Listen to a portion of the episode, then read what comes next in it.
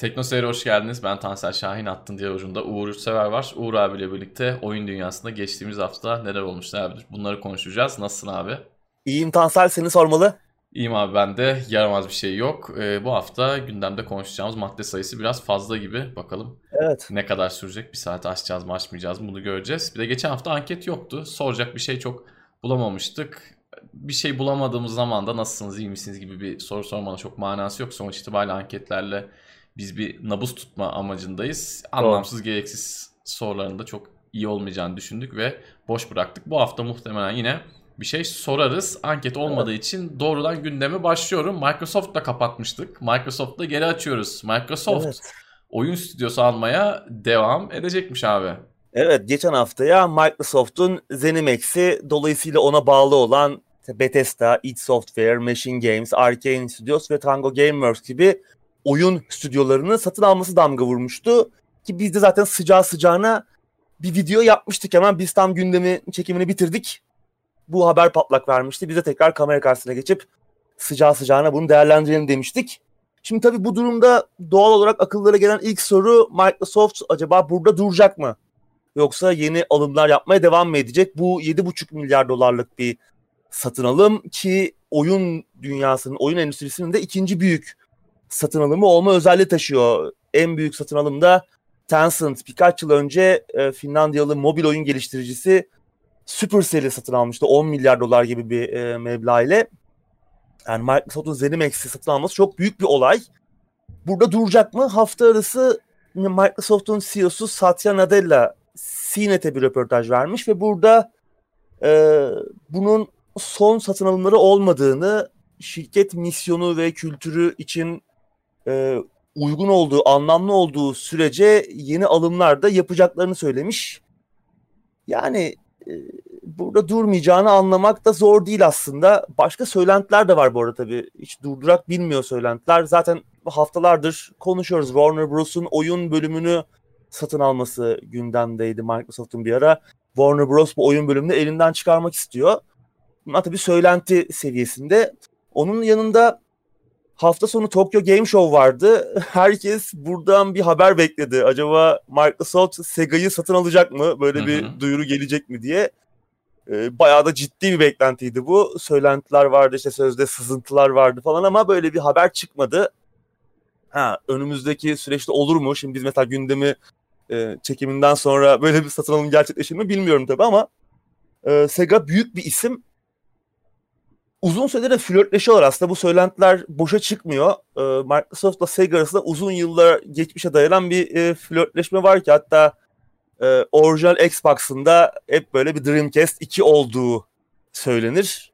E, Microsoft bir yandan uzak doğu pazarına biraz yakınlaşmaya çalışıyor. İşte Sega ile işbirlikleri yapıyorlar aslında oyunlarını Game Pass'e getirme hı hı. konusunda veya Xbox'a getirme konusunda.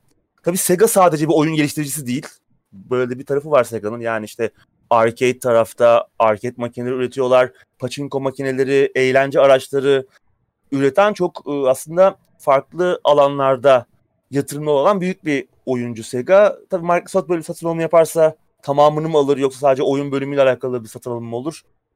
Onu da bilmiyoruz. Bunlar tabii söylenti. Ee, ama bu satın alımların en çok merak edilen tarafı özellikle ZeniMax'le gel- gelecek gelen stüdyoların yapacakları yeni oyunlar. Bu oyunlar acaba PlayStation tarafına gelecek mi?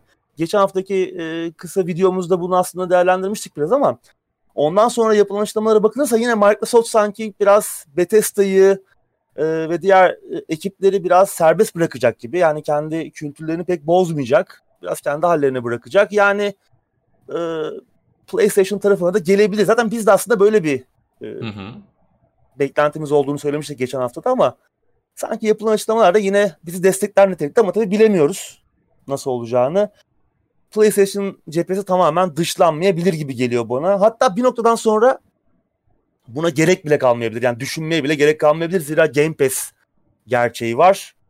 Ee, bu yeni stüdyoların yapacağı bütün oyunlar yani ZeniMax'te gelen Bethesda'nın işte id Software'ın yapacağı bütün oyunlar Game Pass'e birinci günden geleceği açıklandı. E, atıyorum işte Elder Scrolls 6 çıktığı zaman ilk günden Game Pass'te olacak veya Obsidian bizim o beklediğimiz yıllardır beklediğimiz e, gerçek bir Fallout oyununu yaptığı zaman yaparsa evet. eğer umudumuz o yönde e, Game Pass'e birinci günden gelecek. Fallout Şimdi 77 oyunlar... ben bekliyorum. Fallout 77 e, olabilir. Umarım öyle bir şey olmaz da yani umarım daha güzel bir oyun yani Fallout 76'yı bize unutturacak bir şey yaparlar. 78. ee, şimdi tabii bu oyunlar Game Pass'e gelecek birinci günden e, PlayStation'a da gelirse bu oyunlar 70 euro olacak, 70 dolar olacak, 80 euro olacak.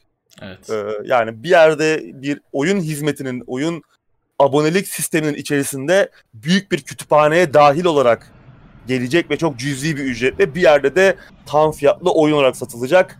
Yani e, artık ya, gerisini siz hesap edin. Burada şunu söylememiz lazım. Bu oyunların Sony tarafına gelmesi bile bir Xbox reklamı olacak. Bir Game Pass reklamı Tabii. olacak artık yani. Türkiye'de de oyunlar yavaş yavaş 700 lira 600 lira civarında olmaya başladı. Ee, başladı. Sony cephesinde, Microsoft cephesinde o fiyatlarda oyun var mı bilmiyorum belki vardır ama yani bu durumda özellikle bizim gibi ülkelerde Game Pass daha sık anılmaya başlanacak gibi gözüküyor evet. oyuncular arasında. Yani sen de söylediğin gibi şimdi 70'e çıktık artık 70 dolar 70 euro bandından bahsediliyor yeni jenerasyonda. Game Pass al geç uğraşma ki kütüphane de iyi sürekli yeni katılımcılar da oluyor. Bu arada şunu da söyleyelim. Geçen hafta aslında e, şeyde söylemedik bu satın alımı özel yaptığımız haberde söylemedik ama mini Doom'lar çıkabilir. Ne bileyim Dishonored Tactics gelebilir. Yani tamamen şey yapıyorum. İşte Doğru. Elder Scrolls'un bir kart oyunu vardı. Belki yeni bir kart oyunu gelebilir. Farklı şeyler de yapılabilir. İlle yani büyük çaplı bir Fallout, büyük çaplı Doğru. bir Doom e, gelecektir ilerleyen yıllarda eminim ama daha küçük çaplı oyunlar da gelecek. Onları da göreceğiz gibi gözüküyor. Doğru.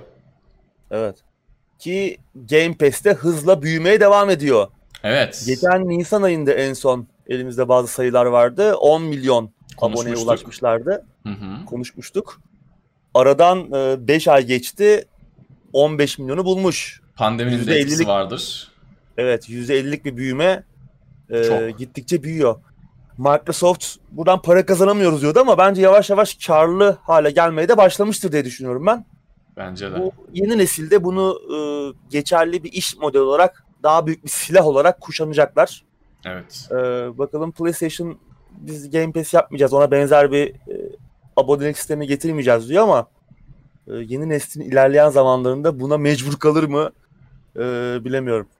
Çünkü onlar başları yapmayız falan diyorlar ama sonradan Hı hı. Yapıyorlar işte crossplay olayında gördüğümüz gibi bir ayak diriyorlar daha sonra e, adapte oluyorlar.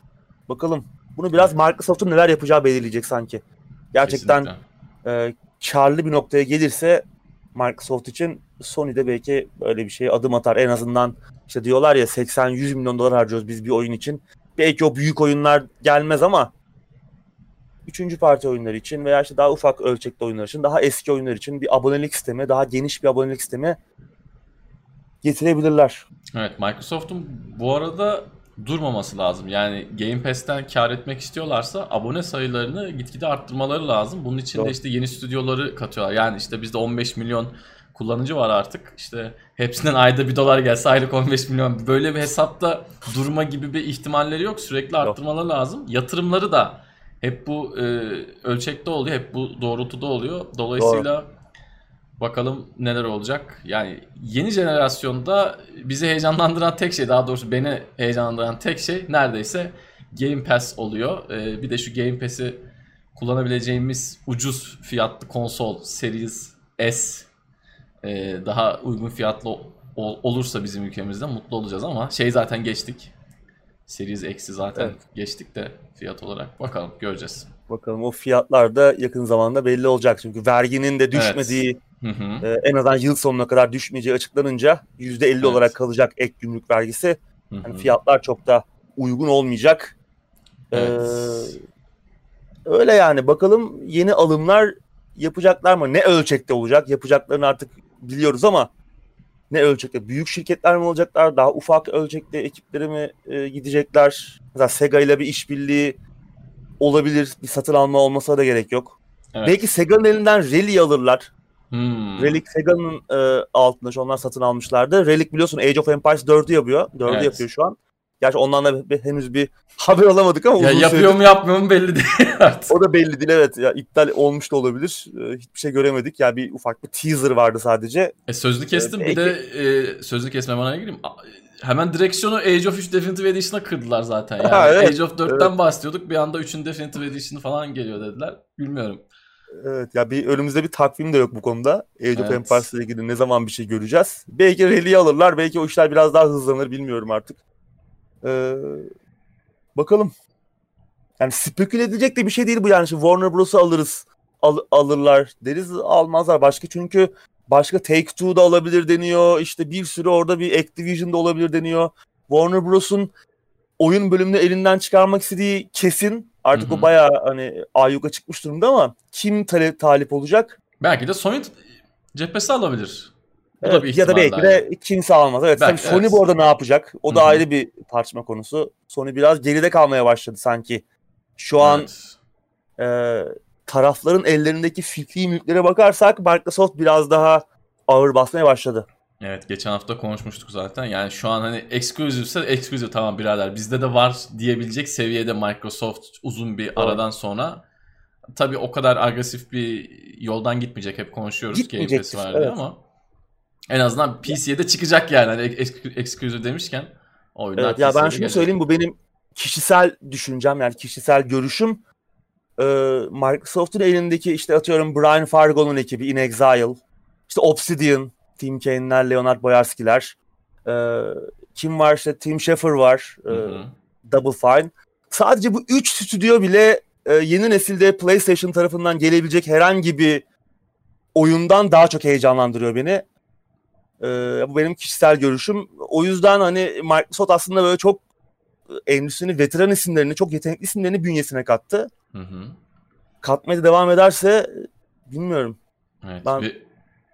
ben de yeni nesilde yani PlayStation'ı biraz daha geç adapte olabilirim. Yani birkaç sene daha bekleyebilirim. Gerçi yani bu gidişle hiç geçemeyebiliriz ama yani ben galiba bir uzunca bir süre PC'de devam edeceğim. Zaten Microsoft tarafı oyunları PC'ye de getiriyor.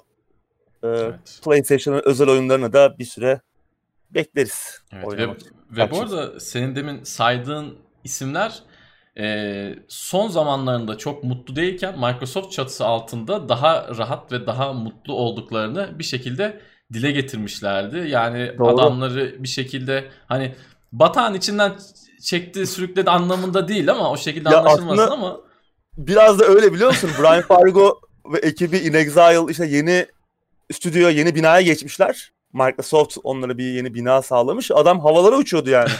Facebook'ta paylaşımını gördüm. Çok mutluydu. Yani belki de adamın e, kariyerinde işte bilmem kaç yıllık Interplay zamanlarından, yani 90'ların başlarından, 80'lerin sonlarında itibaren başlamış o Interplay zamanlarından beri belki de en mutlu günlerini yaşıyor. Evet ya bir de e, bu tarz adamlar çok fazla ön planda olmasalar da işte 90'larda oyun sektörü bu durumda değildi. Yani 90'lı yıllarda dünyanın en iyi oyununu yapan adamı kazandığı para ve sa- ona sağlanan imkanlarla 2000'li yıllarda 2020'li yıllarda bu şey aynı değil tabii. Yani dağlar bu insanları var. da evet dağlar var. Bu da güzel bir şey. Bakalım göreceğiz. Evet, göreceğiz. Ama yeni jenerasyonda artık Game Pass makinesi olacak gibi Xbox'lar. O buradan çok net bir şekilde gözüküyor yapılan alımlar, Doğru. yapılacak alımlarla birlikte. Sıradaki habere geçiyorum. Microsoft'un yeni stüdyolarından Arkane henüz duyurulmamış bir oyun için işe alımlara başladı. Evet bir yandan da fabrikada üretim yavaştan başlıyor tabii. Evet bu aralar Deathloop'u yapıyor Arkane. Hı hı. Arkane nereden tanıyoruz? İşte Dishonored serisinden, Prey'den, işte Dark Messiah of, of Might and Magic ve Arx Fatalis gibi nefis işlerden tanıyoruz. E, Deathloop yapmaya çalışıyorlar bu aralar onu yetiştirmeye çalışıyorlar ve ertelendi Deathloop. Aslında bu yıl sonu çıkacaktı. 2021'in ortalarına ertelendi. Bir de henüz duyurulmamış bir oyun üzerinde çalışmalara başlamışlar gibi görünüyor. Bazı iş ilanları vermişler. Şu an e, Arkane'in Lyon, Fransa'da ve Austin, Texas'ta iki tane stüdyosu var. E, Lyon stüdyosu Deathloop üzerine çalışıyor. Austin'deki stüdyo ise en son Prey yapmıştı. Bu yeni alımlar her iki stüdyo için de e, geçerli. Yani her iki stüdyoda e, yeni çalışanlar arıyor. Aranan özellikler arasında işte oyun motoru programlama, Unreal 4 bilgisi, işte online özellikler gibi maddelerin yanında immersive sim ibaresi de var. Acaba işte Dishonored veya Prey'e bir geri dönüş mü olacak veya bu bambaşka yeni bir oyun mu? Ee, yakında öğreniriz diye tahmin ediyorum ama her halükarda henüz bir şey bilmiyor olsak da bu güzel bir haber. Yani Arkane'in Microsoft çatısı altında ben neler yapabileceğini çok merak ediyorum. Çok da yetenekli Çünkü bir çok, stüdyo. Çok yetenekliler ve çok da şanssızlar. Geçen haftalarda evet. No Clip'in bir belgeseli vardı No Clip YouTube kanalında. Biz de onu konuşmuştuk aslında gündemde. Tekrar buradan önerelim. Oradan e, orada Arkane'in 20. yılı şerefine e, birkaç bölümlük bir belgesel vardı. İzleyin derim. O iptal, iptal eden oyunlar işte Steven Spielberg'le yaptıkları oyun, işte Half-Life yapıyorlardı bir ara Valve'la birlikte bunların iptal edilme süreçleri falan çok şanssızlar. Bugün belki çok daha tanınır, çok daha büyük bir ekip olabilirlerdi. Ee, yani o yüzden bakalım Microsoft altında onların imkanlarıyla neler yapacaklar. Ben bu yeni duyuracaklar oyunu merak ediyorum. Ben de inşallah Dishonored veya o tarzda bir şey olur. Ben Prey istemiyorum. Evet. Hani Prey kötü bir oyun serisi olduğundan ya da sevmediğimden vesaire değil ama Dishonored'ın bende çok e, damağımda ayrı bir tat bırakmıştı. İnşallah yine o tarz ya farklı bir şey yaparlar ya da yeni bir Dishonored yaparlar. Evet. Güzel olabilir o hikaye yani. bitmişti Dishonored'da ama hı hı. o yine o evrenden bir şey çıkarabilirler evet, tabii. Evet. Ya artık günümüzde biliyorsun abi hikayenin bitmesi hiçbir sorun değil yani. Ya birinci evet. oyunla ikinci oyun arasında işte o geçen 10 günü anlatabilirler yani. Bugün Half-Life bile onu yapıyor biliyorsun. Evet, doğru. Benim de çok gıcık olduğum bir şeydir bu, bu tabii de yani ben bu konularda biraz eski kafadayım yani bu spin-off'ları falan çok seven, beğenen, onlara alışabilen bir insan olamadım ama bir şekilde o tarz bir şeyler yapılabilir. Ya da belki başka bir fikrim yok ama Dishonored tadında gerçekten çok çok çok güzel evet. olur. Bu sefer de şansları demiş yaver. adamlar. Evet. Immersive Sim demişler ki Immersive Sim ekolünün de bugün hani en ciddi modern en modern e, örneklerini sunuyorlar. Kesinlikle. Kesinlikle. Bekliyoruz bakalım. Evet. Sıradaki habere geçiyorum. John Carmack, Microsoft'un ZeniMax satın almasından sonra eski oyunlara geri dönme sinyali veriyor. Evet. evet abimiz bir tweet atmış. Microsoft'un oyun fikri mülkleri için çok iyi bir yer olduğunu söylemiş ve daha da önemlisi Microsoft hani bana karşı bir kin beslemiyor demiş. Bu yüzden hani belki eski oyunlarıma geri dönebilirim demiş. Biliyorsunuz ZeniMax ve John Carmack e, davalıktı. Evet. E, Oculus yüzünden. E, ZeniMax kendileri için yazdığı kodları Oculus için kullandığını e, söylüyordu. Bir iki yıl önce anlaşmaya vardılar. Ama tabii aralar kötü kaldı. Hatta ZeniMax e, işte Doom'la ilgili mesela bir şey olduğu zaman ismini bile anmıyordu hı hı. John Carmack'in. E, o yüzden e, tabii bu satılımla birlikte John Carmack de yorumunu yapmış. İşler değişebilir. Belki geri döner. Ee, evet. İşte kendi yarattığı oyunlar var. Yaratımında bulundu işte e, Commander Keen, Doom, Wolfenstein, Quake gibi oyunlar. Belki bunlardan birinin başına döner. Ee, bakalım belki görebiliriz. Görmek ister miyiz? Bu başka bir tartışma konusu. Hani benim kişisel fikrim belki bana insanlar kızabilirler ama ben açıkçası istemem.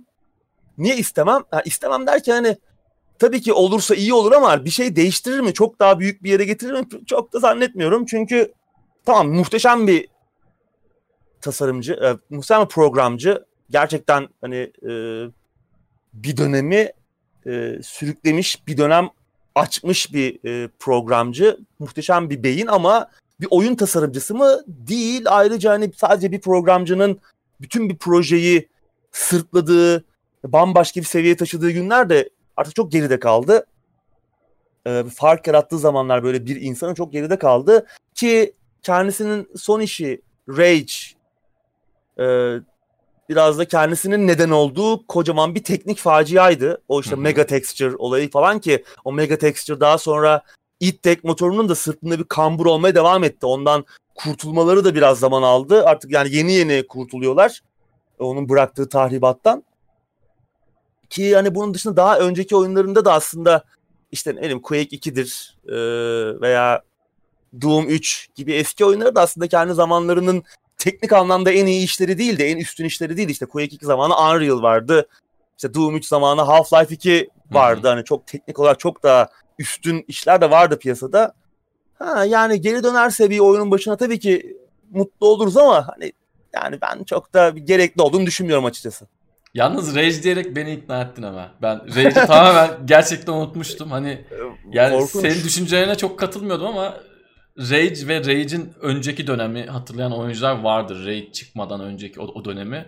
Yani hani beklentilerimiz çok çok çok yüksekti ve gerçekten kötü oldu ama şey bile olabilir. Şimdi Oculus tarafında bir VR tecrübesi var John Carmack. Belki evet. hani Microsoft yeni jenerasyona bu tarz bir şeye çok e, sinyalini vermedi. Çok göz kırpmadı bir ara ama belki o tarz bir çalışma olabilir. Yani tabii tabii. Şimdi mesela e, zaten Doom mesela VR Bethesda aslında VR'a yatırım yapıyor. Fallout da VR'da var, Doom da VR'da var. Hı hı. Belki yani John Carmack gerçekten bunları bir seviye yukarı taşıyabilir.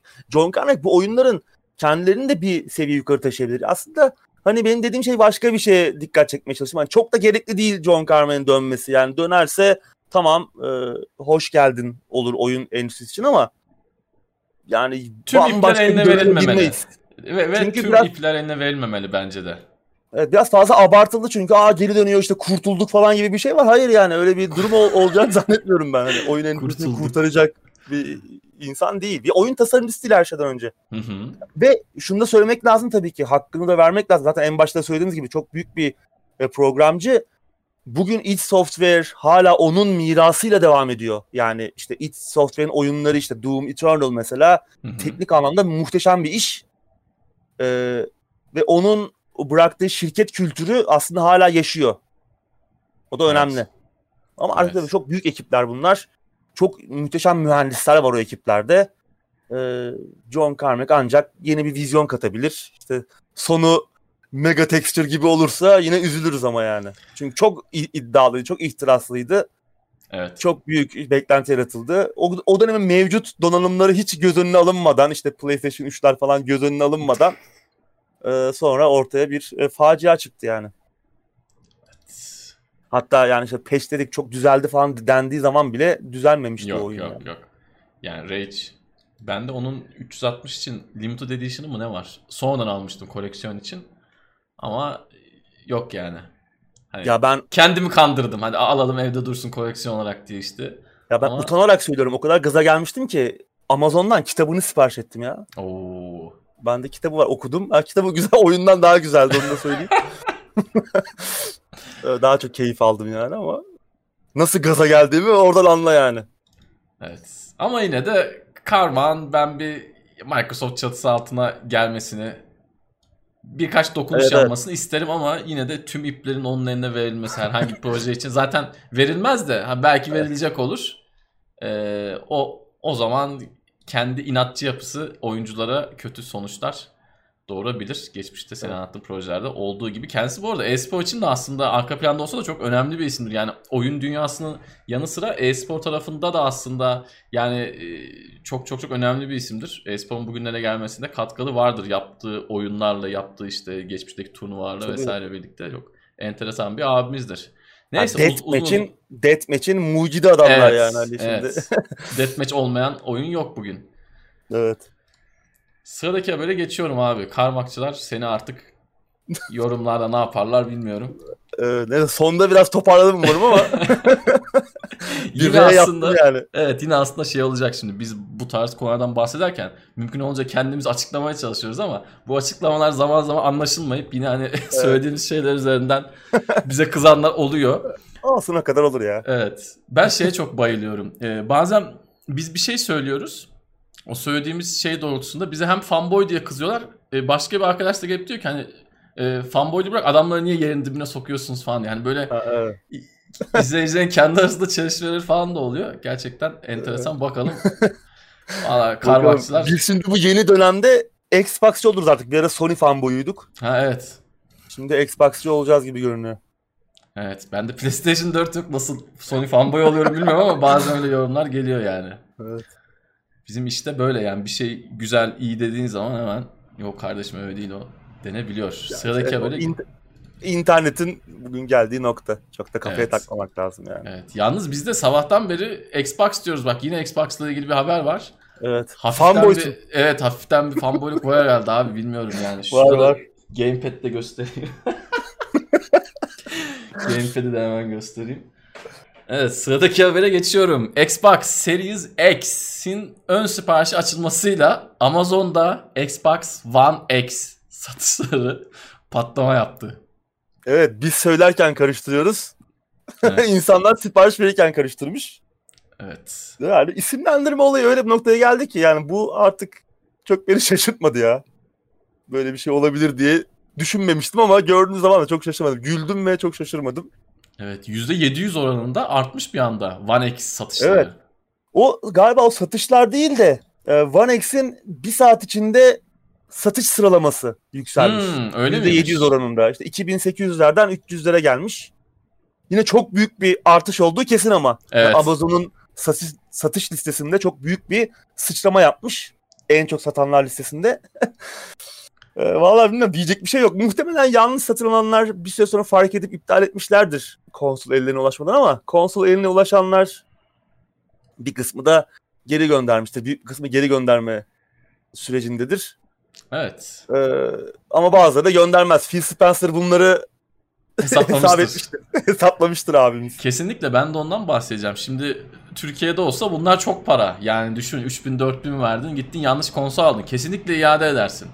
Amerika'da iade etmek çok kolaydır muhtemelen bize göre ama orada şimdi adam ya zaten yanlış sipariş veren adamın elinde muhtemelen Xbox One X ya da Xbox One yoktur. Yani adam evet. elinde o cihaz olsa muhtemelen sipariş vermez. Hadi der yeni konsol çıkana kadar oynayayım. Çünkü onlar da bizim gibi böyle e, 5-6 asgari ücrete denk gelmiyordur muhtemelen konsol fiyatları. Adam işte çıkana kadar biraz bakayım falan der. Ama bence bu kadar fazla sipariş verilmesinin bir sebebi de şu olabilir. İsimler elbette karıştırılmıştır ama şimdi One X'in fiyatı daha düşüktür. Adam şimdi 500 evet, dolar evet. şimdi Series X siparişi verecek. Orada bakmıştır 350 dolar. İşte 300 dolar fiyatını tam bilmiyorum ama hadi 400 olsun. Ya bu 100 dolar daha ucuz diye. Hadi bu, hadi bundan verelim e, diye evet. sipariş verenler de olmuştur diye tahmin ediyorum. Ama enteresan bir olay gerçekten hani isimlendirmenin 2020 yılında böyle bir soruna sebep olması enteresan. Ya bunu Phil Spencer evet. düşünmüştür ya. Tabii yani tabii. Ya. O isimlendirmeyi bulurken ya biz bunu tabii, benzer tabii. bir şey yapalım da Zaten insanlar ön sipariş açılınca evet. diğerini sipariş etsinler. Kesin ya zaten yapalım. şimdi yeni konsola gelecek oyunlar eski konsola da geliyor. Ya açıklama da yapabilir. Ya kardeşim oyunu duyurduk tamam geliyor işte sitede. Diyebilir yani. One X'inizi de oynayın diyebilir. evet. Diyebilir yani. Sıradaki habere geçiyorum. Amazon kendi buluttan oyun oynatma sistemi Luna'yı duyurdu. Evet. Google, Microsoft ve Nvidia'nın ardından Amazon'da buluttan oyun oynatma olayına giriyor. Luna isimli servislerini duyurdular. Hatta Amerika'da e, erken erişim için de başvurular başlamış. Hı hı. Bu nasıl çalışacak? Şimdi mesela Stadia'da oynayacağımız oyunları tek tek satın almamız gerekiyor. Tekrardan. E, GeForce Now'da işte halihazırda Steam'de, Epic Store'da veya Uplay'deki oyunlarımızı bağlayıp oynayabiliyoruz. Tabii her oyun yok ama yine birçok oyun GeForce Now'da çalışıyor. Luna'da ise e, oyunlara çeşitli kanallara abone olarak erişeceğiz. Mesela Luna Plus isimli bir kanal var. Bu kanalda Resident Evil 7, Control, A Plague Tale, e, Grid, Panzer Dragoon gibi oyunlar var. İşte bu kanala üye olduğumuz zaman, abone olduğumuz zaman buradaki oyunları oynayabiliyoruz. Abonelik ücreti mesela bu kanal için 6 dolarmış. Erken erişim boyunca 6 dolar olarak kalacakmış. Aynı anda iki cihazda oynanabilecekmiş. Kulağa fena gelmiyor aslında ki benzer başka kanallar da olacak.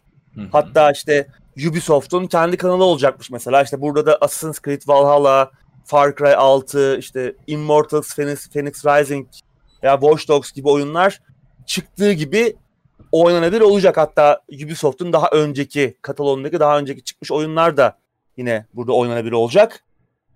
Ee, bu kanalın fiyatı henüz açıklanmamış. Ubisoft'un fiyatı belli değil. Bu anladığım kadarıyla tek bir e, cihazda oynanabilecekmiş aynı anda.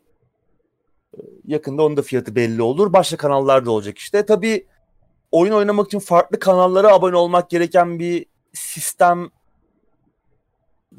zaman ilerledikçe astarı yüzünden pahalı hale gelmeye başlar mı onu bilmiyorum. Tabii onu zaman gösterecek. Diğer kanallar da açıklandıkça kanallar ne kadar dolu olacak. Hı hı. İşte hangi özellikleri sunacaklar işte Mesela bazı kanallar işte aynı anda iki cihaza izin verecek, bazıları vermeyecek, bazılarında başka belki özellikler olacak. Belki Ama çocuklara olarak... özel bir kanal olacak. Orada biraz o, daha evet, işte evet. daha Kesinlikle. küçük yaş grubuna hitap eden oyunlar olacak. Evet genel olarak yani kulağa fena gelmiyor bu kanallara abone olma sistemi. Ee, ama işte gün sonunda fiyatlar belirleyici olacak. Bunun yanında işte klavye, standart klavye fare ve kontrolcü desteği olacak. Bunları kullanabileceğiz. Ama dilersek Amazon'un Alexa destekli özel kontrolcüsünü de alabilecekmişiz. 1080p 60 fps desteğinden bahsediliyor. Bazı seçilmiş oyunlar için 4K desteği de olacakmış. Tabii ki Twitch entegrasyonu e, kaçınılmaz. Hepsi Amazon'un hizmeti. E, önemli konu bizde olacak mı? Evet. Amerika'da erken erişim başlıyor. Bizde olacak mı? Şimdi Amazon Prime Amazon Prime geldi. Bir hareketlilik var. Amazon Türkiye'ye bir yatırım yapmaya başladı. Ee, hani bizi ciddi almaya başladılar. Avrupa içerisinde de hani önde gelen ülkelerden biriyiz onlar için. Ama bizde olacak mı belli değil. Şu an için bir açıklama yok, bir bilgi yok. Zaten şu an sadece Amerika'da bir erken erişim başlıyor. Diğer bölgeler için de süreci takip edeceğiz ama bence Amazon bu işi becerir. Yani ilk bakışta bir mağaza gibi görünse de aslında dünyanın en büyük ağlarından birine sahipler. Artı sunucu servisi de satıyorlar yani bu konuda tabii, tabii. E, çok tecrübeliler ve çok güçlüler bu konuda. Dünyanın en büyüklerinden satıyorlar. biri. Evet kesinlikle. Yani bu işin ee, altından kesinlikle kalkabilirler. Buradaki Anladım. benim en büyük soru işaretim oyun kütüphanesi nasıl olacak? Fiyatlandırma evet. nasıl olacak ve bizim ülkemizde olacak mı? Yani bunları çözerlerse bence yap- yapılamayacak bir şey yok. Yani Google'ın yapabildiği bir şeyi, Microsoft'un yapabileceği bir şeyi, Sony yapabileceği bir şey Amazon çok e, rahat bir şekilde yapacaktır diye düşünüyorum. Doğru. Dediğin gibi burada oyunlar belirleyici olacak, oyun kütüphaneleri belirleyici olacak. Ee, rekabetin olması güzel buluttan oyun işinde. Oyunların da çok bölünmüyor olması en azından şu an için. Mesela Ubisoft her yerde var. Hani evet. kendisini bir platforma yanlamadı. Google Doğru. tarafında da var işte GeForce Now'da da var. Burada da olacak ve onların oyunları çıktığı gibi bu, bu hizmetlerde, bu servislerde oynanabilir olacak. Hani diğer dağıtımcılar, geliştiriciler ne yapacaklar? Biraz süreci o belirleyecek ama umarım çok bölünmez. Ee, rekabetin gerçekten devam etmesi için bütün oyunların hemen her platformda erişilebilir olması lazım. Biz de hizmetin kalitesine göre bir tercih yaparız. Umarım evet. bizde de olur dediğin gibi. Bana olabilir gibi geliyor ya. Yani olmaması için neden yok. Kesinlikle. Yani belki hemen olmaz ama atıyorum bir sene sonra, iki sene sonra gelebilir yani neden gelmesin. Ya GeForce'u gördükten sonra ben ilk defa yani orada bu işin yapılabileceğini çok net bir şekilde yani herhalde oynayabileceğiz artık birkaç seneye demiştim. İlk bu e, hizmetleri kullandı 2012 yılında. Yani bu ileride olacak belli dedim ama işte GeForce Now'dan sonra tamam hani bunu dedim birkaç yılı kalmış bu iş olacak. Evet. Bulutta oynatma olayı. Ben yine burada e, yani bu işe bir yandan Microsoft da uğraşıyor. Muhtemelen senin benim en çok işime gelecek çözüm yine Game Pass entegresiyle birlikte Microsoft'un yapacağı çözüm Doğru. olacaktır. Fiyatlandırma konusunda da çünkü Türkiye özel bir şeyler yapıyorlar hali hazırda. Amazon her ne kadar senin de bahsettiğin gibi Prime konusunda e, bizi anlayıp bize güzel bir fiyatlandırma yapsa da oyun konusunda ne olacak ne bitecek bunları görmüyoruz. Bir de sen şeyden bahsettin evet. abi kendi gamepad'leri var, kendi kumanda aletleri var Amazon'un. Bunlar Türkiye'de muhtemelen satılmıyor ama Kindle gibi düşünebilirsiniz. Doğru. Onlarla birlikte e, bu hizmeti almak, kullanmak yurt dışında çok kolay olabilir yani hani hemen gamepad'i söyle gün içinde gelsin işte hemen bağla bir ekrana bir şey Doğru. işte oynamaya başla bilgisayardan bilgisayardan. Bakalım göreceğiz. Evet. Yaparlar. Evet. Başarılı olur bu yani. Sıradaki habere geçiyorum. Baldur's Gate 3'ten bir kötü bir de iyi haber var. Önce kötü haberi vereyim istersen. Oyunun erken erişim e, çıkışı yine birazcık ertelendi. Eylül sonu deniyordu. Yeni tarih 6 Ekim. Yani bir haftalık küçük bir erteleme. Bu sefer galiba kesin çıkıyor. Ee, bir şey kalmadı çünkü 6 Ekim'e de. Bunu yalnız İyi Twitter'da e, bir dakika bunu Twitter'da duyururken bir görsel kullanmışlar çok hoşuma gitti. yani birazcık daha gecikecek açıkçası şey gibi bu evet. Jim Wallace mıydı? Wikipedia'daki abi para isteyen abi yani biraz daha bir bekleyin bir hafta daha. O çok hoşuma gitti o görsel. İzleyicilerimiz evet, bakabilir. Yani.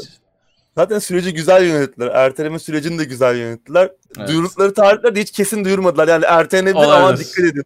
Evet. Gibi zaten Sven Winke, e, Larian'ın CEO'su, oyunun geliştiricisi Larian'ın CEO'su çok tatlı bir abi yani çok güzel iletişim kuruyor oyuncuyla. Evet.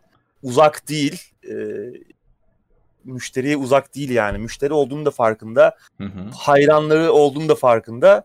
Çok güzel yönetiyor süreci. Bence bu süreci de güzel yönettiler. Bu kadar ertelemeye rağmen ve erken erişim yani. Hani daha oyunun çıkışından da bahsetmiyoruz. Herkes de bir heyecan yarattılar. Özellikle yayınladıkları işte o topluluk güncelleme videoları da e, bunda pay sahibi oldu. Çok güzel böyle bir hani kıyafetle değiştirip evet. çok güzel bir şey yaratıyorlar. Mizansen yaratıyorlar orada. Evet kötü haber ertelenmesiydi. İyi haber oyunda romantizm ve cinsellik de olacak. E, hafta arasında işte muhtemelen erken erişimden önceki son topluluk güncelleme videosunu paylaştılar. 8-9 dakikalık bir video bu. Yine yine oldukça eğlenceli. Onu da linkini veririz. Ee, izlersiniz. Güzel olmuş. Bu video daha çok işte oyundaki aşk meşk işlerinden bahsediyor. Röportajlar var o konuda. İşte nasıl olacağıyla alakalı detaylarını vermişler. Tabii bir rol yapma oyunu için kendi motivasyonları, bakış açıları, farklı ve inandırıcı mizaçları, hedefleri ve dertleri olan karakterlerle etkileşime girmek deneyimin temelini oluşturuyor. Aslında rol yapma oyunu dediğimiz şey bu aslında. Bu karakter etkileşimleri. Her ne kadar son yıllarda rol yapma oyunu öğeleri tırnak içinde biraz böyle cömertçe kullanılıyor olsa da işte yetenek puanı kazanıp puan dağıttığımız her oyunda rol her yapma oyunda, öğesi evet. var.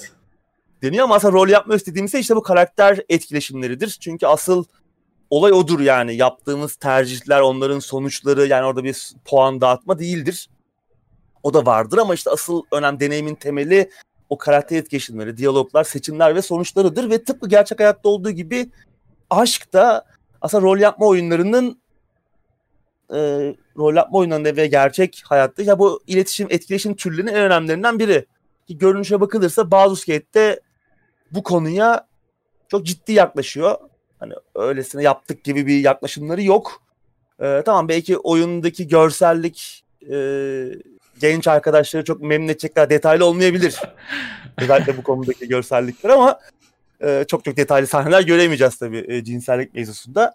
Ama işte karakter etkileşimleri bu konuda yaptığımız e, seçimler bunların sonuçları açısından bugüne kadar bir video oyunda gördüğümüz en e, kapsamlı, en gerçekçi, en eğlenceli e, romantizm seçeneklerine sahip olacağız gibi görünüyor. Hatta işte sadece oyun oynarken yaptığımız seçimler değil, karakterimizi oluştururken yaptığımız tercihler de e, bu tarz karakter etkileşimleri hatta oyunda gireceğimiz bütün etkileşimleri etkileyecek. Bu tamam yeni bir şey değil ama anlatıldığı kadarıyla çok detaylı olacak yani.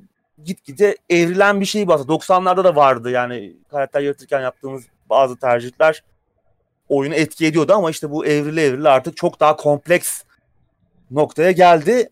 Yani günün sonunda Mass Effect'teki gibi işte bir uzaylı yatağa atmaktan fazlası olacak gibi görünüyor. Baldur's Gate 3'teki e, romantizm seçenekleri ki ayrıca oyunda böyle co-op desteği de var ki aslında biraz da bunun da üzerine duruyorlar. Ee, yani hiç beklemediğimiz bir anda kendimizi en iyi arkadaşımızla co-op oynarken bulabiliriz yani. ee, bu e, sahnelerde co-op desteği de olacakmış. Bilmiyorum nasıl olacak ama göreceğiz. Bilmiyorum ya benim Larian'ın bu bakış açısı hoşuma gitti. Oyunlarda cinsellik e, ve romantizm tam genelde çok şey kullanılıyor. Oyunun kendisinden kopuk. Sadece bir amaç olarak kullanılıyor. Bir araçtan ziyade oyuna hizmet eden bir şeyden ziyade hep genelde öyle örnekler gördük veya tam oyuna entegre edilememiş örnekler gördük. Benim çok hoşuma gitmiyor. İşte bir noktadan sonra Mass Effect'te işte bir karakteri yatağa atma uğraşına dönüşüyor. Ona hediyeler vereyim falan filan onunla iyi geçineyim diye ama aslında oyunun bu deneyimin kendisinden koparıyor seni aslında. Orada yaratılan bütünlüklü bir deneyiminden kopartan bir şeydi. Benim çok hoşuma gitmiyor. Birçok oyunda bunun iyi yapıldığını göremiyoruz zaten. En son Witcher 3 mesela biraz bunu en azından hikaye yedirmeyi başarmıştı bu romantizm. O da hikayenin temelinde bir aşk hikayesi de olduğu için aslında. Ee, ama buradaki kullanımı hoşuma gitti. Daha anlamlı, gerçekçi daha da önemlisi işte olgun yaklaşımlar oldukça güzel olabilir yani bu, bu tarz şeyler oyunun deneyimine de bir şey katar benim beni heyecanlandırdı bu evet. açıklamalar. Fallout 2'de bir şeyler vardı tam net hatırlamıyorum ama orada var var. benim çocukken orada... görüp hani çok şaşırdığım vay anasını adamlar gerçek mi bu ya falan dediğim şeyler evet. vardır oyunu oynayanlar şimdi. Orada Hatırlamıştım. Şeye gidiyorduk. Genel eve falan gidebiliyorduk. Evet. Hı hı. Öyle şeyler vardı. O da aslında işte oyun dünyasının içinde olan bir şey aslında. O da hani o, oyundan çok kopuk bir deneyim değildi aslında. Evet. Zaten Doğru. orada da bir şey yoktu. Ekran kararıyordu. Hı-hı. Falan işte biraz böyle kondisyonumuz yükseliyordu. Böyle bir bonusu oluyordu falan yani. Ee, bu tarz etkilerini görüyoruz ama hani o bir şey olarak çok küçük bir yer kaplıyordu. Burada hani biraz da oyunun artık içinde olacak. Çünkü karakter etkileşimleri olan bir oyun bu. Hı hı. Ve oyun öyle ilerliyor. Diyaloglarla daha çok diyalog ağırlıklı ilerliyor. Tam bir rol yapma oyunu. Ve bu kadar kompleksken her şey e, bu içine duygusallık ve romantizm de girmesi kadar doğal bir şey yok. Ama bunu evet. iyi başarmaları lazım. Bakalım nasıl olacak. Söyledikleri kadar iyi, detaylı olacak mı? Eğlenceli evet. olacak mı? İnşallah Türk dizisi gibi olmaz yani. Evet. Ama olabilir, olabilir yani kıskançlık falan da olacakmış. Oo. Fena. Ee, bakalım. Bakalım. Fena. Yine kendi tarzında halledecekler onu muhtemelen. Böyle hafif içinde mizah da olacak. Evet. Karanlık unsurlar da olacak ve ilişkinin e, gittiği noktada e, ben merak ettim yani böyle kompleks sistemler hoşuma gidiyor. Larian bu konuda çok iyi. Ya üstüne koyarak ilerliyorlar. Divinity Originals'in 1, 2 üzerine çok fazla şey koydu. Şimdi Baldur's Gate 3 hepsini toplayıp üzerine çok daha fazlasını koymaya koyma hedefinde. Umarım çıktığı zaman ki en az bir yıl erken erişimde kalacak. Yani 2021 sonlarından önce gelebileceğini düşünmüyorum ben tam çıkış olarak. O zaman bakalım umarım memnun oluruz. Evet ama Early Access daha da artık ertelenmesin. Çünkü yani evet, tamam bu son galiba. bu bir haftalık bir ertelenme olmuş ama biraz da böyle tadı kaçtı gibi oldu. Evet, Bilmiyorum bir şey kalmadı zaten ya. Evet bir şey kalmadı. İnşallah. İnşallah çıkar. Yani tekrardan haftaya bir daha Umarım konuşmayız. Evet. Şimdi bir de sen güzel arada... güzel anlattın. Beklentilerimiz de arttı yani. Bu arada oyun 60 dolar olacak. Tam fiyatlı bir AAA oyun fiyatı. Gerçi AAA oyun fiyatları 70 dolar olacak ama hı hı. 60 dolar oyunun fiyatı. Türkiye'de nasıl olacak göreceğiz. Henüz bir Steam'de fiyatlandırma yok. Ama yerel fiyatlandırma yapacaklarını söylediler. Evet. Ki Originals'ın 2 iyiydi. 50 dolar 75 liraydı çıktığında. Doğru. Bakın umarım şöyle güzel bir fiyat biçerler. 90 lira falan olsa 100 liraya geçmese muhteşem olur yani. Evet çünkü yani bu oyuna bu parayı verdikten sonra saatlerce başından kalkmayacağınız için. Birkaç yüz saat gidecek yani o anlaşıldı. Kesinlikle kesinlikle. Ve hani kaliteli bir birkaç yüz saat. Hani aynı şeyleri yaparak geçen bir birkaç yüz saatten bahsetmiyorum yani. Assassin's Creed, Odyssey'de 300 saat oynayabilirsin ama hani günün sonunda 150 saati aynı şeyleri yaparak geçiyor. Doğru. Bu oyunlar biraz daha farklı. Hani hem diyaloglar hem etkileşimler, görevler çok daha büyük dünyalar. Original Sin oynayanlar zaten ne beklemeleri gerektiğini az çok biliyorlardır. Evet. Sıradaki habere geçiyorum. Sony, Spider-Man'in yeni nesle geçişini iyice karmaşık hale getirdi. Ayrıca oyunun PlayStation 4 save dosyaları yenilenmiş sürümde çalışmayacakmış abi. evet muhteşem değil mi? Sony'nin başrolde olduğu yepyeni bir saçmalıkla karşı karşıyayız. Şimdi durum bir hayli karışık. Onun için tane tane anlatmaya çalışacağım. Becerebilecek miyim bilmiyorum. Şimdi biliyorsun öncelikle Spider-Man Miles Morales diye bir oyun var. Bu ayrı bir oyun. Ve PlayStation 5'in çıkış oyunlarından biri. Daha ufak ölçekli bir oyun. Yani iki sene önce çıkan Spider-Man oyununa göre daha ufak ölçekli bir oyun. Zaten fiyatı 50 dolar olacak bu oyunun. Evet. Ee, PlayStation 5'e de çıkıyor. Ama PlayStation 4'e de gelecek. PlayStation 4 versiyonunu alırsan PlayStation 5'e ücretsiz olarak yükselecek. Burada bir sorun yok. Buraya kadar her şey normal. Ama şimdi işler biraz karışacak. Şimdi geliştirici Insomniac Games Miles Morales'in dışında önceki Spider-Man oyununu da PlayStation 5 için elden geçiriyor. Spider-Man Remastered adı altında. Daha iyi görseller, işte Ray Tracing efektleri, e, daha hızlı yükleme süreleri gibi PlayStation 5'in etinden sütünden faydalanacak iyileştirmeler içeriyor bu sürüm ama PlayStation 4 sahipleri ellerinde önceki Spider-Man oyunu varsa ne yazık ki bu iyileştirmelere ücretsiz sahip olamayacak. Evet. Yani yine oyunu oynamaya devam edebileceksin PlayStation 5'te ama sadece geri uyumluluk modunda. Eğer bu iyileştirmeleri istiyorsan 70 dolar 80 euro ödeyip Spider-Man Miles Morales Ultimate Edition satın alman lazım. Ee, yani bu paket çünkü hem Miles Morales'i kapsıyor hem de Spider-Man'in e, orijinal oyunun elden geçirilmiş Spider-Man Remastered'ı kapsayan bir paket bu. Evet. Ayrı bir ayrı bir şey olmayacak yani. Ee, ayrı bir yükseltme seçeneği yok. Yani ben parasını vereyim. Miles Morales'i istemiyorum diyemiyorsun yani. Ben onu oynamayacağım. Sadece benim orijinal oyunumu yükselt. PlayStation 5'e. Ee, o iyileştirmeleri ben parasını verip oynamak istiyorum diyemiyorsun. Bu paketi alman lazım. Ultimate Edition alman lazım. Yani garip bir durum. Ha haracımı ödedim. Oyunu aldım. 70 dolar, 80 euro neyse hangi bölgedeysen 1000 lira verdim. Ee, bu bu sefer de Spider-Man 4'teki e, PlayStation 4'teki kayıt dosyalarımız e, remastered versiyonda çalışmayacak. Yeniden Yeni, başlamak durumunda kalacağız. baştan başlamak zorunda kalacağız.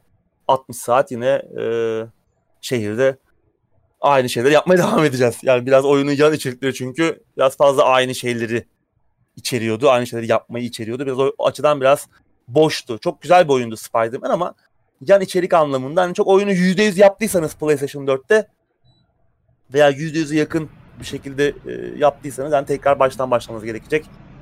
Ya bilmiyorum ya bence bu tam bir başarısızlık örneği. Bu kayıt dosyalarının çalışmaması. Diğeri tam bir açgözlülük örneği. Oyunu tekrar bizden satın almamızı istemesi. Tamam Miles Morales'i sadece onu alıyorsak eyvallah onu geçiriyor ama önceki oyunu da bir göreyim dersen büyük paket alman lazım.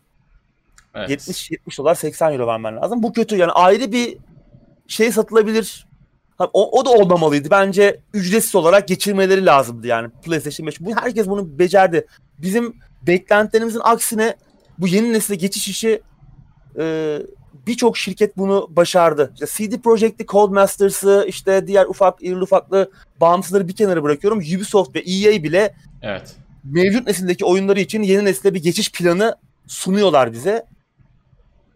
Ama hatta yani işte Witcher 3 kaç yıllık oyun tekrar yeni nesil için birçok güncellemeyle tekrar gelecek ve oyuna sahipsen PlayStation 4'te Xbox One'da ücretsiz bu güncellemeyi alacaksın. Hani çok 5 yıllık oyunda bile e, bunları görüyoruz artık. Microsoft bu işin öncülerinden biri.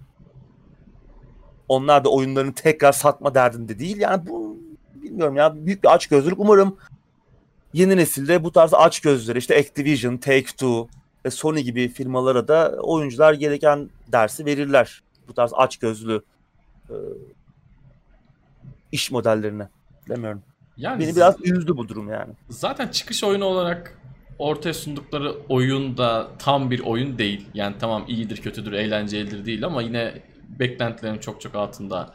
Artı insanlar yani Miles Morales oynarken eski oyun oynamayanlar da muhakkak e, olacaktır oynamak isteyenler. Onlara bir de ekstradan aldırıyorsun. Hadi şeyin zaten hiç açıklaması yok. PlayStation 4'te adam oynamış bitirmiş. Sen oynadın bitirdin. PlayStation 5'e geçtin. Save'ler gelmiyor. Yani bilmiyorum. Bu güncelleme ücretsiz yapıp Miles Morales'ın yanında verseler çok daha güzel olurdu. Sanki yani elden geçirdiniz de ne yaptınız abi? Zaten yaptığınız oyun bile tam oyun değil. Yani Miles Morales bile bugün full ölçekli evet, bir evet. oyun olmayacak. Yani ya, çok ölçekli. Yani şey gibi hep söylüyoruz işte örnek veriyoruz. Uncharted kayıp evet, miras gibi. Evet. Tamam yine kaliteli o seriden beklediğimiz tarzda bir oyun olacak ama yapım kalitesi anlamında ama daha ufak bir oyun olacak. Daha küçük, daha kısa süren bir oyun olacak. Evet yani. yani. Gereksiz inat ediyor. En büyük rakibi Microsoft bu süre zarfında bu konuyu bu konuda oyuncularla tamamen barışmış durumda. Yani evet, oyunları eski yani. jenerasyonda getireceğiz diyorlar. Yok yani her şey çok basit. Alın bu nesilde yeni nesile yükselteceğiz diyor yani. O kadar basit ki. Evet. Ben şimdi anlatmaya çalıştım. Muhtemelen kar, iyice karman çorman yaptım konuyu. Çünkü çok karmaşık. Yani kafa evet. karıştırmanın anlamı yok. Kesinlikle. Yani gereksiz inat. İki kuruş fazla kazanacağım diye. iki kuruş daha evet. kazanacağım diye. Yani kontrol olayında da aynı şeyi söyledim. Yani buradan evet. ne kadar bir gelir beklentiniz var? Oyuncuların yüzde kaçı bunu yapacak? E böyle işte, tepki topluyorsun. Adam boykot edecek yani. Almayacağım ya, diyecek. Spider-Man yani, çok popüler. Millet alacak ya Amerika'da Bence falan. almaz. Ha Amerika'da falan alır doğru. Amerika'da falan adam umurunda ol, olmuyordur çok ama bizde adam yani zor. Miles Morales için full işte adam 70 dolar verecek Ultimate Edition alacak öbür Spider-Man'de oynayayım vesaire diye zor yani. İnsanlar bu kadar ince hesap yaparken fiyatlar 700 liralar artık yaklaşmışken zor yani. Neyse sıradaki habere geçiyorum abi. Blizzard'ın kurucularından ve bir önceki CEO'su Mike Morhaime Dreamhaven çatısı altında iki yeni oyun stüdyosu açıyor. Evet abimiz geçen sene Activision Blizzard'dan ayrılmıştı. Geçtiğimiz haftada endüstrinin başka veteran isimleriyle ki hatta bunların arasında yine eski Blizzard ve EA çalışanları var. Hı hı. Buralarda önemli görevler almış isimler var. Dreamhaven adında yeni bir şirket ve bu şirkete bağlı iki de yeni oyun stüdyosu kurdu. Moonshot Games ve Secret Door. Bu stüdyolarda da yine işte StarCraft, StarCraft 2, Hearthstone, Warcraft 3, World of Warcraft gibi önemli Blizzard oyunlarında görev almış önemli isimler var yine. Çok tecrübeli isimler var. Tabii geçtiğimiz dönemde Blizzard'dan önemli kopuşlar oldu. Büyük çaplı kopuşlar oldu. Bunun da en büyük nedeni tahmin etmenin çok zor olmadığı gibi Activision ve Blizzard'ın birleşmesinden sonra Blizzard'ın şirket kültürünün hızla Activision etkisi altına girmesiydi. Ee, bu yeni şirket Dreamhaven'da birçok dağıtımcının alamayacağı büyük ve riskli kararları alabilecek bir şirket kültürü yaratma peşinde olacakmış. Bakalım neler yapacaklar. Henüz duyurulmuş bir projeleri yok. Ama önemli bir haber. Yani Michael Morhaime çok önemli bir isim. Hem Blizzard'ın kurucusu, kurucularından biri hem uzun yıllar işte CEO'luğunu yapmış. Önemli bir isim. Yanındaki isimler yine çok tecrübeli isimler. Hı hı. Bakalım neler yapacaklar. Hep beraber göreceğiz. Evet. Sıradaki habere geçiyorum. IO Interactive Freedom Fighters'ı yeniden yayınladı. Ben bunu gördüm. Ee, bir, bir şeylerin değiştirdiler herhalde. Remake, Remastered gibi bir şey falan Hı. sandım. Çok heyecanlandım. Fiyatı bu arada 16,5 lira. Evet. Ee, biraz sorunlu çalışıyordu. Ben birkaç sene önce bir denemiştim. Acaba onlarla ilgili bir yenilik yaptılar mı? Düzelttiler mi bir şeyleri bilmiyorum ama hem Good Old Games yani GOG'da hem de Steam'de e, satışta bu arada tekrardan. Evet. Valla çok güzel bir oyundu. Yani hakikaten ilk oynadığımda 2003 yılında oynamıştım yanlış hatırlamıyorsam. 2003. Evet. Acayip 2003. keyif almıştım. Görsel olarak da çok çok çok güzel bir oyundu o yıllarda. Oynanış evet. da güzeldi. Oyun farklı olaylara evriliyordu diye hatırlıyorum. Yani ilk başta öldürdüğümüz düşmanlarla sonlara doğru böyle apayrı adamlar geliyordu. Farklı rakipler, düşmanlar evet. geliyordu. Çok güzel bir oyundu. Ben çok seviyordum abi. Evet, Sovyet işgali altındaki New York'a gidiyorduk. Evet. Ee, güzeldi. Güzel bir oyundu. Bakalım belki bir geri dönüşün habercisidir bu. Dediğin gibi bir remaster veya bir remake değil. Oyunu yeniden yayınladılar 17 yılın ardından. Evet. Bir geri dönüş olur mu? Modernize edilmiş, daha böyle kompleks oynanış sistemleri olan, yeni nesil görsellerle e, yapılmış bir oyun çıkar mı? Yani, yani aynısı olmasın. Yani aynı oyunu remake, remake değil ama evet, modernize etsinler. Evet. Ama evet. o çünkü güzel bir formüldü ki Kesinlikle. ellerindeki oyun motoru, Hitman'de kullandıkları oyun evet. motoru e, özellikle kalabalık, açık alanlarda kalabalık sahneler yaratmak için çok uygun. Müthiş Kesinlikle. işler yapabilen bir oyun motoru. Bu tarz işte böyle işgal altında bir metropolde hafif böyle stereotipik bir stereotipik bir direniş hikayesi için çok güzel olabilir yani yaparlarsa e, evet. güzel olur. Ki onlar bağımsızlıklarını da aldılar yani artık bağımsız bir stüdyo IO Interactive. Hı hı. Kendi oyunlarını da kendileri yayınlayacaklar. Evet. Belki bu işte Epic Store'la da Epic Games'le de bir anlaştılar. İşte yeni Hitman oyunu için, Hitman 3 için. Belki bu onları biraz daha ellerini güçlendirir. Finansal anlamda bir güç verir. Belki yeni projeler de yaparlar. Bir Malmö'de, İsveç Malmö'de yeni bir stüdyo açtılar çünkü. Ellerinde de başka markalar var. İşte Freedom Fighters var. Kane Lynch var. O da ne oldu? O da bir oyun çıkmadı işte şeyden e, Dog Days miydi ikinci oyun? İki. İkiden sonra bir, evet bir daha çıkmadı. Ondan sonra çıkmadı. Film yapılıyordu. Ne oldu? Oo. Kenan Lynch filmi. Bruce Willis ve Jamie Foxx oynayacak sözde ama öyle kaldı. Ondan da haber alamadık. Ama bir Freedom Fighters oyunu yeni bir oyun. İşte senin dediğin gibi. Yani remake, aynısının remake'i yeniden yapılmış hali değil ama modernize edilmiş. Böyle daha modern bir oyun. Daha kompleks oyun sistemleriyle falan çok güzel olabilir ya. Güzel bir formül çünkü. Evet. Bakalım. Bakalım. Belki duyarız. Oynamayanlar varsa da dediğin gibi 16,5 lira. Evet, Gerçi indirimli fiyatı 16,5. Belki bitmiş olabilir. 25 lira normal fiyatı. Ben ya, yaptılar. E, çekimden önce baktım 16,5 liraydı ama ya. tam fiyatı da 25 lira galiba. Elinizi evet, çabuk tutarsanız 16,5 liraya Steam'de alabilirsiniz. GOG fiyatını bilmiyorum. GOG'da muhtemelen daha tuzludur diye tahmin ediyorum. Evet. Evet orada çünkü Türk, Türk lirası desteği yok henüz. Evet. Evet son habere geçelim. Yeni Yakuza filmi geliyor abi. Niye yeni?